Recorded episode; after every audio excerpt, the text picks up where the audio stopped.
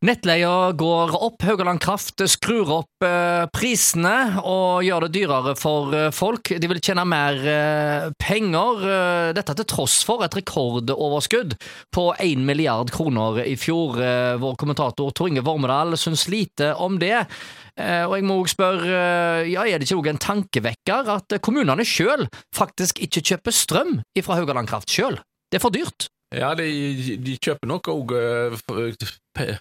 kraften sin fra Haugaland Kraft når de er billigst. Men eh, når de er de, de driver også og shopper der så det, det er billigst. Men, Ja. uh, Men altså, når kommunene eier Haugaland Kraft, eh, hvorfor eh, har de ikke det i en fastprisavtale? For hvis du ser på alle store virksomheter, Ja. Hydro osv., de kjøper jo strømmen til fastprisavtaler, så de forhandler Mm. da med produsentene. Hvorfor kan ikke kommunene, spesielt når de eier kraftselskapet sjøl, inngå en sånn fastprisavtale?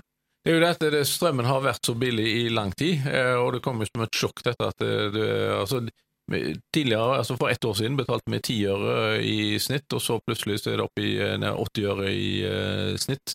Så eh, jeg tror jo kommunene, men også forbrukere, altså den enkelte husholdning, kommer nå til å forsøke å gå over på eh, fastprissystem. Ja, Når det er så ustabilt som det, det har vært nå, så må du nesten det, det. er jo det de kommer nå til å gå ut og så til, forsøke å tilby, at du får en uh, fastpris eh, da. Så da kan det være litt mer eh, forutsigbarhet eh, for eh, forbrukerne, da. Så, Og så er det jo enormt store prisforskjeller rundt omkring i landet. Jeg vet ikke hvor mye Haugaland Kraft eh, kan påvirke det, men eh, du ser jo eksempel nå at eh, denne uka så har du da en snittpris på hva var det, 18-20 øre per kilowattime i nord. Eh, Oppe i Bergen A60 og nærmere 3 kroner per kilowattime på det verste her i vår sone. Ja. Så det varierer voldsomt rundt omkring i landet. Ja, det er helt sprøtt. Hadde, du, hadde det vært noe sånn at brødprisene for eksempel hadde vært altså et brød i Nord-Norge skulle koste 100 kroner, og at i Oslo så hadde det kosta 20 kroner, så hadde du fått et ramaskrik uten like.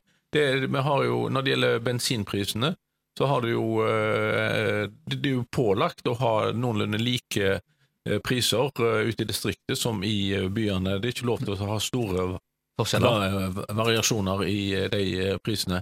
Når det gjelder strøm, så har en av en eller annen merkelig grunn lov til å ha ekstreme uh, forskjeller. Det går jo på dette med kraftoverføringer, altså at det ikke er kapasitet nok uh, til å sende ned eh, strømmen fra Nord-Norge og ned til uh, Sør-Norge. Hadde det, det kunne vært, så hadde jo nordlendingene måttet betalt mye høyere pris på strømmen sin. Så vi kan jo takke disse her kablene da, blant annet for at Ja, det. Vi har jo eksportert noe enormt. Det legger et voldsomt press på eh, prisene selvfølgelig i vårt område, og det bidrar jo til høyere priser, det er jo ingen tvil om. Og med elektrifisering av Nordsjøen som de snakker om i, i, i tillegg, så vil jo det bare legge enda mer press, betydelig faktisk mer press, på strømprisen i vår eh, region. Så jeg føler at eh, eh, regjeringen eh, og de som sitter da i offentlig sektor og planlegger dette, gjerne gjør ting i feil rekkefølge, for vi burde jo produsert mer kraft før vi brukte mer kraft. Det er rett og slett det vi kaller dårlig politisk håndverk som er gjort. eh, og dette er noe som en har advart mot eh, når en da fikk eh, disse eh, kablene og begynte å overføre Ja. Fagbevegelsen var jo ute med en gang og Ja. advarte mot dette, men det var Ja. ingen, som ville høre. Nei, så eh, når vi tar oss og sender, vi nærmest tømmer uh, vannmagasinene fordi at vi får Høyere eh, betalt. hø- høyere betalt når vi sender krafta til utlandet, istedenfor å så forsyne eh, da våre egne innbyggere. Men med strømkablene så har jo kraftprodusentene en unik mulighet til å berike seg noe voldsomt, og den fristelsen klarer en liksom ikke å styre. Nei, det er jo det som Er det er det vel så enkelt? Ja, ja, men det er jo eh, på en måte for å si det sånn, det er jo oss folket som eier kraftselskapene. I, Ja, ja, ja. eh, Da, og vi har da altså satt avdanka politikere til oss å forvalte dette, og da har det gått sånn som det har uh, gått. Mm. Så vi har jo uh, oss sjøl å takke for dette, her, nå, eller våre politikere kan vi takke for. Ja, men altså, en ser jo i, i kommunene òg at det er nærmest sånn eh, konkurranse mellom kommunene, hvem som- som kan ha mest overskudd fra år Ja. til år. Det er ikke lenger snakk om å på en måte forvalte til det beste for, for innbyggerne lenger. Det gjelder med å sole seg i glansen av store overskudd. Ja. Men også, eh, jeg hadde jo heller ikke sagt noe. Altså, de hadde, Haugland Kraft hadde et overskudd på 945 millioner kroner. De delte kun en tredjedel av dette ut i aksjeutbytte. Mm. De, de har beholdt to tredjedeler av overskuddet for å skal forvalte det på en måte sjøl. Jeg er ikke overbevist om at Haugland Kraft er i stand til å forvalte det på en så veldig god måte. Da hadde det vært bedre at de hadde sendt det tilbake til kommunene. Ja. Til, til kommunene ja, da, så hadde man kunne bygd veier og mm.